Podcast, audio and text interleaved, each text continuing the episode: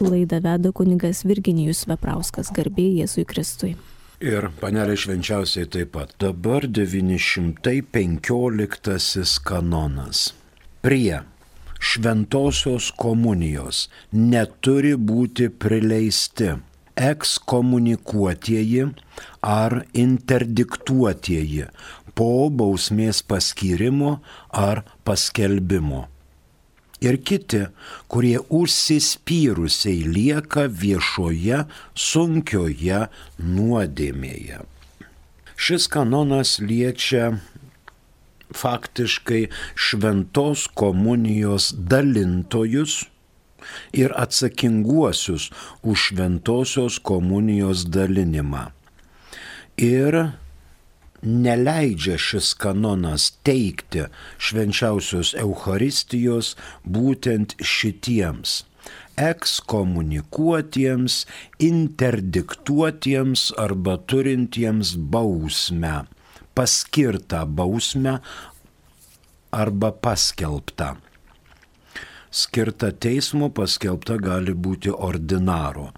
Ir kitiems negalima duoti, kurie užsispyrusiai lieka viešoje, sunkioje nuodėmėje. Dabar pirma mintis. grupėje. Pirma grupė esantys bausmės būklėje.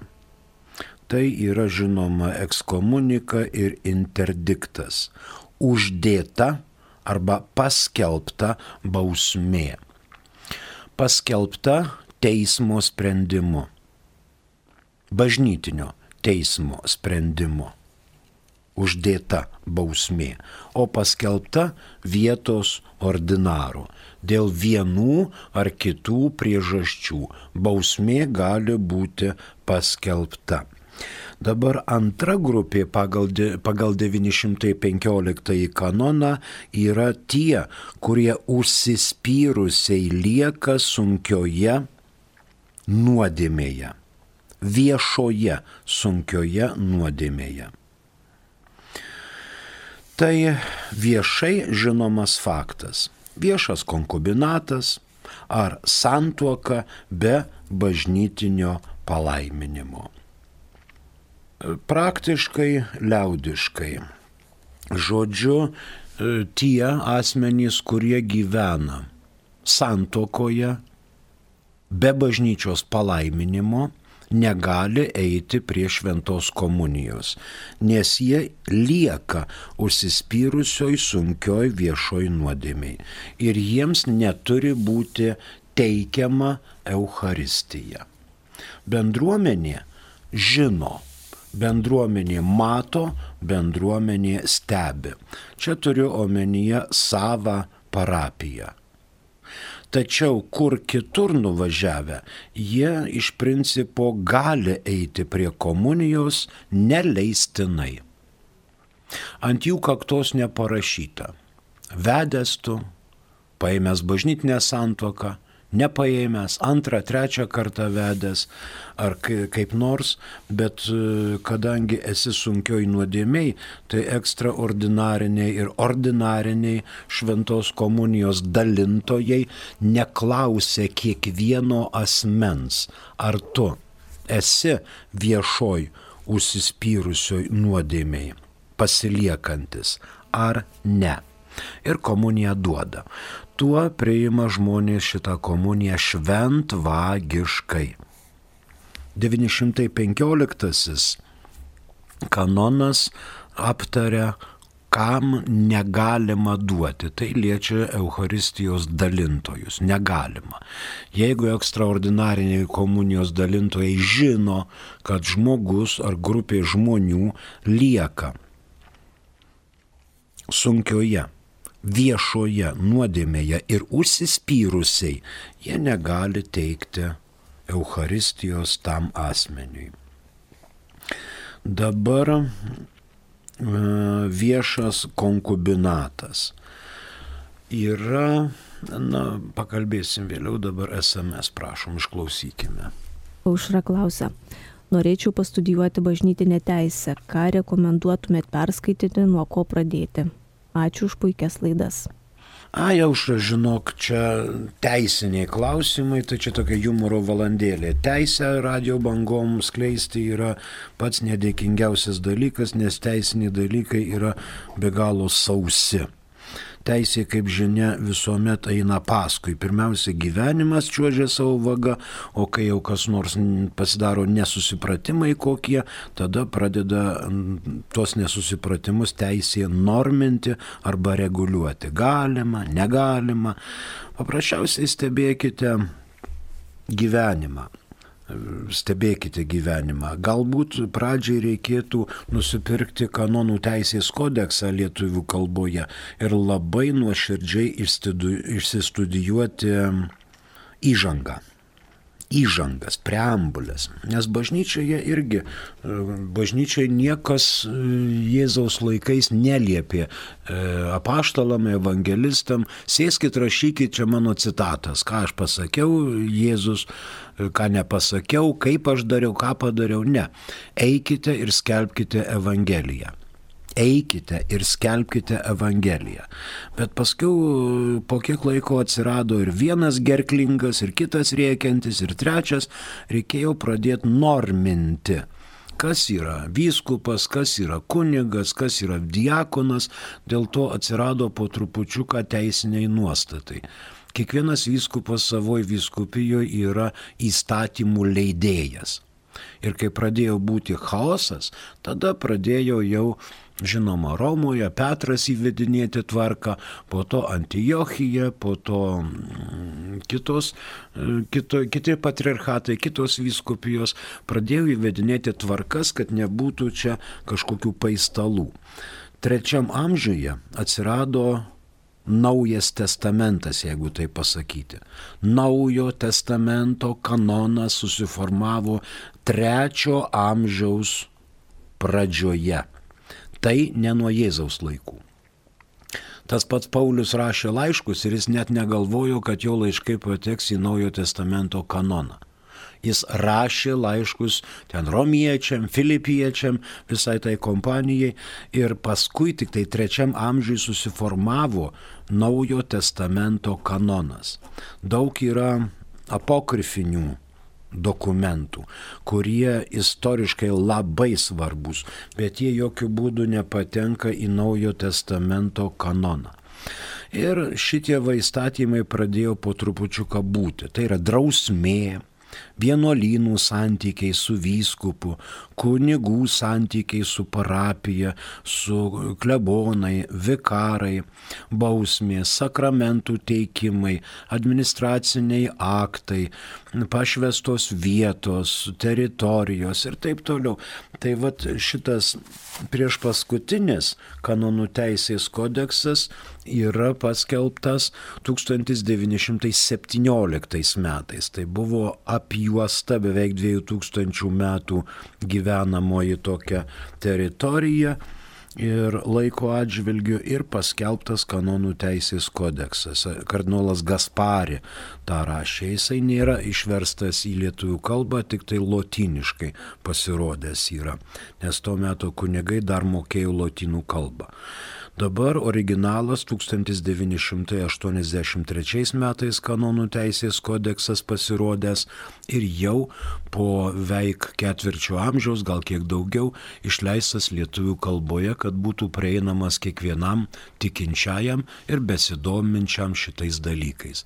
Tai aušra perskaitykite pirmiausia įžangas ir paskiau pasikonsultuokite su savo parapijos kunigu, nes Lietuvoje mes Neturime paprasčiausiai bažnytinės teisės tokių studijų.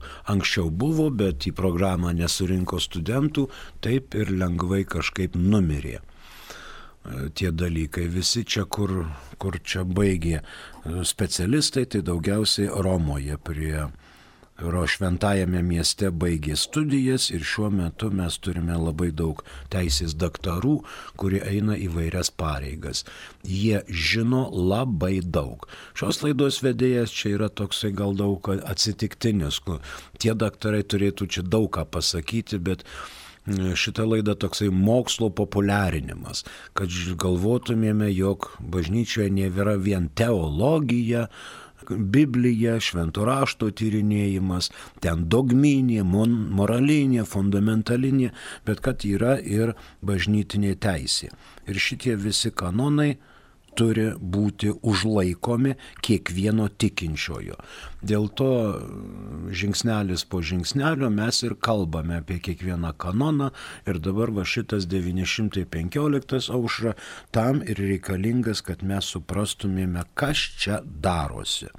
O studijuot, tai mielai prašom, užsienyje yra labai daug, reiškia, ir Ispanijoje, ir Italijoje, ir kitur vyksta, ir Vokietijoje žinoma, atskiros mokyklos susiformavę, vienos mokyklos kreipia dėmesį labiau į vienus dalykus, kitos mokyklos kreipia daugiau į kitus dalykus dėmesį, bet faktiškai reikėtų pradėti studijuoti nuo bakalauro lygio. Jeigu mes baigę ir civilistiką, pavyzdžiui, turim bakalaurą, klausimas, ar busim priimti į magistro studijas bažnytinėje teisėje. Nes reikia ne vien būti susipažinus su anglosaksų teisinė sistema, su Romos teisė ten, bet ir tokių fundamentalių dalykų, kas po kam. Tai čia nėra lengva. Ir jeigu jūs aušą studijuotumėt, pavyzdžiui, bažnytinę teisę, reikia dar paklausti savęs, o ką aš po tam veiksiu kas mane priims, kas mane norės arba kur aš galėsiu savo panaudoti tas esamas žinias. Jeigu baigėt studijas, tarkim, pavasarį, prašom, mielai, aš pasitraukiu nuo tos kėdelės, jūs teskite šitų kanonų teisės kodekso aiškinimą ir bus man žymiai maloniau, kai šviežiai paruoštas žmogus galės savo žinias perteikti mūsų brangiem klausytojams. Tai aušra, ačiū už klausimą, o dabar 915 negalima teikti tam asmeniui komunijos, kuris užsispyrusiai lieka sunkioje viešoje nuodėmėje. Tai yra išorinėje srityje. Gyvena be bažnytinio palaiminimo kaip pora arba konkubinate. Arba konkubinate. Dabar imant taip domen, gana didelis skaičius Lietuvoje jaunimo tuokėsi ir gana nemažas skaičius skiriasi. Bažnyčia mato šitą problemą. Galbūt nepakankamai mes paruošiame tuos jaunus žmonės, nes su metais keičiasi ir įsivaizdavimai, ir skoniai, ir potėpiai visokie. Ir žmonės pagyvena keletą metų, supranta, kad e, kita šalis ten svetimauja, arba pradeda taip elgtis, kad neįmanoma su juo gyventi, atsiranda priklausomybės, tada ši bažnytinė santoka tampa mirusi jei galima sakyti, amžinatelsi, jos nėra. Galų gale pagyvena kažkiek jauni žmonės dėl vaikų, kai vaikai šiek tiek sustiprėja, vienas eina į kairę, kitas yra į dešinę eina iš tų tėvų ir žinoma, kiek tas jaunas žmogus vienas gali gyventi. Jis susiranda kitą asmenį. Bet jam lieka galioti priesaika duota prie altoriaus tam pirmam sutuoktiniui. Ir jeigu gyvena dabar su kitu sutuoktiniu, jis gyvena be bažnytinio palaiminimo, nes negali priimti bažnytinio palaiminimo, nes bažnyčia nepripažįsta daug patystės. O monogaminė santuoka. Dabar keletas išeities taškų Jeigu bažnyčia sudaryta be kliūčių ir galiojančia, jinai iki grabo lentos turi savo saistomąją galę. Jeigu yra sudaryta su kokia nors kliūtimi arba bent menama kliūtimi, galima bandyti prašyti, kad bažnyčia nuimtų šitą priesaiką, taip sakant, dėl tam tikrų priežasčių. Dėl tų, anų ir šitų. Gyvenime mes žinome, kad yra labai daug atvejų, kai bažnyčia pripažįsta santuoką tą pirmąją negaliojančią ir tada yra teismo sprendimas, kuris leidžia sutuoktiniams, tarkim, priimti vėl kitą santuoką. Šitos antros santokos jau būna be galo patvarius, jau, galima sakyti, išsilakstę žmonės yra ir kai susiranda antras pusės, jau tada labai jas brangina tas santokas. Ir tokiu atveju, kai priimam santokos sakramentą, galime eiti prie komunijos. Be santokos sakramento ne. Bet kaip minėjau, kunigas negali kiekvieno klausinėti ir tampyti už rankovės ir sakyti, ei tu, ar tu čia gyveni su santokos sakramentu bažnytiniu ar be su šliūbu ar be šliūbo, ar tavo sutuoktinis vat vakar numirė, tada šiandien tu galėjai eiti prie išpažinties ir komunijos ir taip toliau. Čia yra bėda. Dabar pasižiūrim tokiuose didelėse šventovėse, kai masė žmonių prie komunijos eina veik visi. Ai pasidairė žmogus, visi eina ir aš eisiu. Nors ta žmogus neturi, tarkim, teisės, jokios teisės eiti prie šventos komunijos. Dvasinę komuniją jis gali bandyti priimti ir tai jam gali pasisekti. Tačiau šventosios komunijos toksai žmogus, kuris gyvena be bažnytinio palaiminimo, priimti negali. Dar vienas variantas, kai jau žmonės tiek, žmonės tiek sujungia bendras gyvenimas, kad lytinio gyvenimo išraiška nustoja egzistavusi toje šeimoje. Jau garbus amžius ir vienas ir kitas gyvena kaip brolis su seserė kad ir konkubinate. Tada jie iš principo gali eiti prie išpažinties, gauti išrišimą ir artintis prie Euharistijos. Gali. Tikrai gali. Bet ta parapija žino, kad šitie du gyvena be santokos sakramento ir eina prie komunijos. Gali būti papiktinimo grėsmė tada rekomenduojama, kad lankytųsi kitoje parapijoje ir priimtų ten komuniją. Kad kas nors su rankinuku ten neapdaužytų ir neapriektų ir nesakytų, tu čia gyveni be santokos, o dar kaip drįsti eiti prie šventos komunijos kad nebūtų papiktinimo. Bet didesnėse parapijose, kur vienas kitą išveido mažiau pažįsta, tai yra galima daryti. Tai yra galima daryti. Nes matot, norint eiti prieš pažinties, reikia išpildyti penkias sąlygas. Pirma, prisiminti savo nuodėmes. Antra, gailėtis už jas.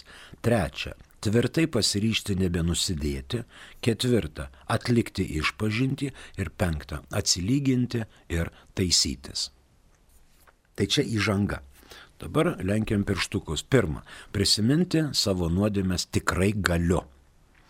Tokios, tokios, šitokios ir anokios. Antra, gailėtis už nuodėmės. Irgi įmanoma, taip? Padariau, prisidirbau, atlikau, galvojau, padariau, galiu gailėtis už visas tas ten dievų įžeidimus. Galiu gailėtis. Dabar atsistojam prie trečio ir pamatysim, kad čia yra slengstis, kurio negali peržengti tie, kurie gyvena be bažnytinio palaiminimo. Tai yra tvirtai pasiryšti nebenusidėti. Šito nėra. Aš gyvendamas konkubinate, be bažnytinio palaiminimo, einu iš pažinties apgailiu nuodėmės, įvardinu nuodėmės, bet kur mano tvirtas pasiryžimas, jeigu aš po išpažinties einu tiesiai į namučius, kur mane laukia, taip sakant, švelnumas. Ir vėl, reiškia, nakties poilsis arba nelabai. Tai aš neturiu dispozicijos tvirtai pasiryšti nebenusidėti aš vėl gyvenu su ta moterimi, arba ta moteris gyvena su manimi ir tai jau yra bėda. Aš tokiu atveju patenku į tą, kuris užsispyrusiai lieka sunkioje viešoje nuodėmėje. Ir man komunijos duoti negalima. Ta turi žinoti ir ordinariniai, ir ekstraordinariniai šventosios komunijos dalintojai. Tai tokia maždaug mintis. Ir jeigu mes matome, kad jaunimas nelabai suvokia, kaip tai yra, kad tai iš tikrųjų yra, ar tai kad ką, tai reikia mums katalikams perspėti, kad toks jaunimas neturi teisės eiti prie šventos komunijos, kuris gyvena drauge be bažnytinio palaiminimo. Ar tai būtų vyras su moterimi, ar tai būtų du vyrai, ar tai būtų dvi moterys, visiškai nesvarbu. Jeigu gyveni su kažkuo, kaip vyras su moterimi, prie komunijos eiti negali. Kitas klausimas, jeigu gyvena, pavyzdžiui, duktė su motina. Taip, dvi moterys. Jiems niekas netrukdo joms eiti prie išpažinties ir prie komunijos. Jeigu gyvena sūnus su mama, viskas tvarkoj. Bet čia turiu omeny, kai gyvena du asmenys, kurie naudojasi su tuoktinių teisėmis ir pareigomis tarpusavyje duodamomis ir prisijimamomis. Bet be bažnytinio palaiminimo. Tai va atkreipkim dėmesį, nes 915 yra toksai aštredantis ir besikandžiojantis. Priešininkai sako, bažnyčia nevykdo savo misijos ir neleidžia tokiems žmonėms eiti prie šventos komunijos. Taip, 915 draudžia tiems, kurie draugė gyvena be bažnytinio palaiminimo, artintis prie Eucharistijos. Na, dabar žvilgterėkime į keletą papildomų minčių. 1374 kanonas. Iliustruoja mums 915. Tas, kuris užsirašo į asociaciją veikiančią prieš bažnyčią, turi būti baudžiamas teisinga bausme.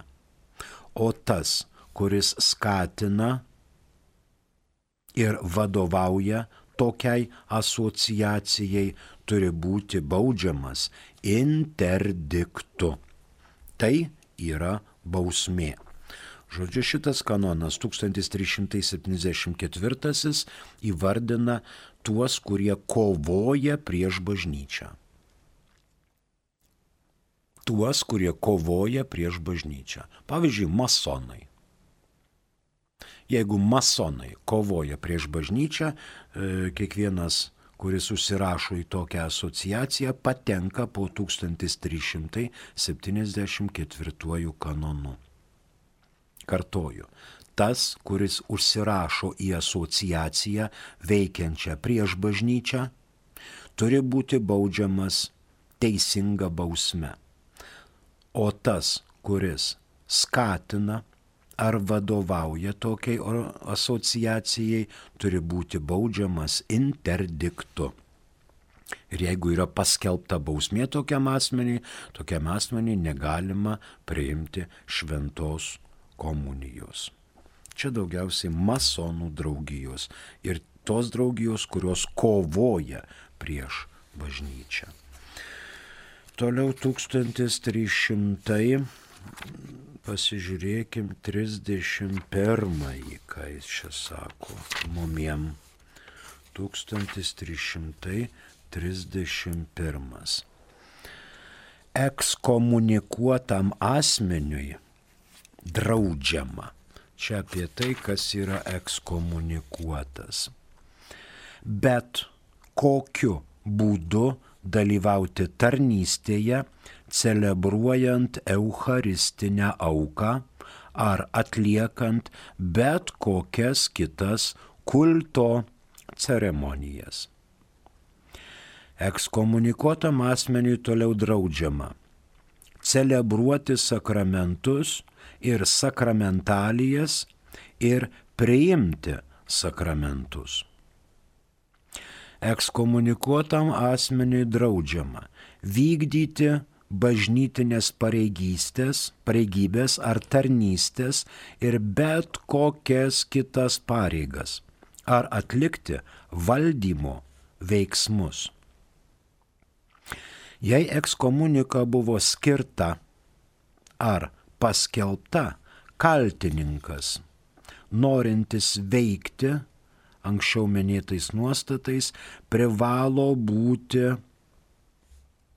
pašalintas. Tos kliūtys turi būti iš ten pašalintas arba turi būti nutrauktas liturginis veiksmas, nebent prieštarautų svarbi priežastis. Toliau. Negaliojimai atlieka valdymo veiksmus, kurie pagal čia aukščiau išvardintus dalykus yra neteisėti. Užsitraukia draudimą naudotis anksčiau suteiktomis privilegijomis. Negali galiojamai siekti paaukštinimo, pareigybės ar kitos pareigos bažnyčioje. Netenka teisės į pajamas gaunamas iš paaukštinimo, pareigybės, bet kokių pareigų parapijos, kurią galbūt gautų bažnyčioje. Tai va, ekskomunikuotiems asmenims tai draudžiama. 1331. Dabar 1332. Užsitraukęs interdiktą asmuo saistomas draudimų per apie kuriuos kalbama čia anksčiau minėtame kanone, jei interdiktas yra skirtas ar paskelbtas, turi būti laikomasi anksčiau išvardintų kanonų nuostatos. Tai va, kaip su tom bausmėm. Toliau 1389 kanonas taip pat iliustruoja 915. Mums rūpimas antrasis paragrafas, tačiau perskaityk ir pirmąjį. Tas, kuris piknaudžiauja bažnytinę valdžią ar pareigomis, turi būti baudžiamas pagal veiksmo ar neveikimo sunkumą, netmetant ir pareigybės atmetimo, nebent tokiam pitnaudžiavimui jau būtų nustatyta bausmė įstatymu ar įsakymu. Antrasis paragrafas. Tas, kuris dėl pakaltinamo aplaidumo neteisėtai atlieka ar praleidžia bažnytinės, e, bažnytinės valdžios tarnystės ar pareigų veiksmą, tuo padarydamas žalą kitam, turi būti baudžiamas teisinga bausme. Vėl bausmė ir papiktinimas žinoma. Na, žiūrime į 1351 kanoną. 1351. Ne, geriau antrai, 1352. Pirmą perskaitykime. Jei bausmė draudžia priimti sakramentus ar sakramentalijas, draudimas suspenduojamas, kol kaltininkas yra mirties pavojuje vėl įeina mirties pavojaus savoka. Dabar mums rūpimas pareiga laikytis nepaskelbtos ir nežinomos vietovėje, kurioje gyvena kaltininkas bausmės, latė sentencija suspenduojama visiškai ar iš dalies pagal tai, kiek kaltininkas negali jos laikytis be didelio papiktinimo ar negarbės pavojaus. Tai mums reiškia 1352 pirmasis paragrafas. Jeigu mirties pavojus yra ir jeigu bausmė draudžia priimti sakramentus ar sakramentalijas, šis draudimas suspenduojamas, kol tas kaltininkas yra mirties pavojuje. Mirties pavojuje. Na, toliau pasižiūrėkim 1399 kanonas, jis irgi iliustruoja 915 be atvejų nustatytų šiame ir kituose įstatymuose išorinis dieviško ar kanoninio įstatymo pažeidimas tik tada gali būčia, būti baudžiamas teisinga bausme, kai ypatingas pažeidimo sunkumas reikalauja bausmės skyrimo ir būtinybė reikalauja apsisaugoti nuo papiktinimų ar juos atitaisyti. Tai čia yra vėl bendroji norma. Bet gana svarbus yra tas 1352, kai yra mirties pavojus. Tai 915 pabaigėme. 915 kanono atitikmuo rytų kanonuose yra 712. 915 fiksuojame. Prie šventosios komunijos neturi būti prileisti ekskomunikuotieji ar interdiktuotieji po bausmės paskyrimo ar paskelbimo ir kiti, kurie užsispyrusiai lieka viešoje, sunkioje nuodėmėje. Jeigu situacija keičiasi, žinoma, galima drąsiai eiti prie komunijos, nes Dievo gailestingumas yra begalinis. Bet Dievo gailestingumas veikia ir pasiekia žmogų per atgailą, per atsižadėjimą, per gailestį. Tik tada galima pajusti begalinį Dievo gailestingumą. Dievas yra ne tik be galo gailestingas, bet ir be galo teisingas.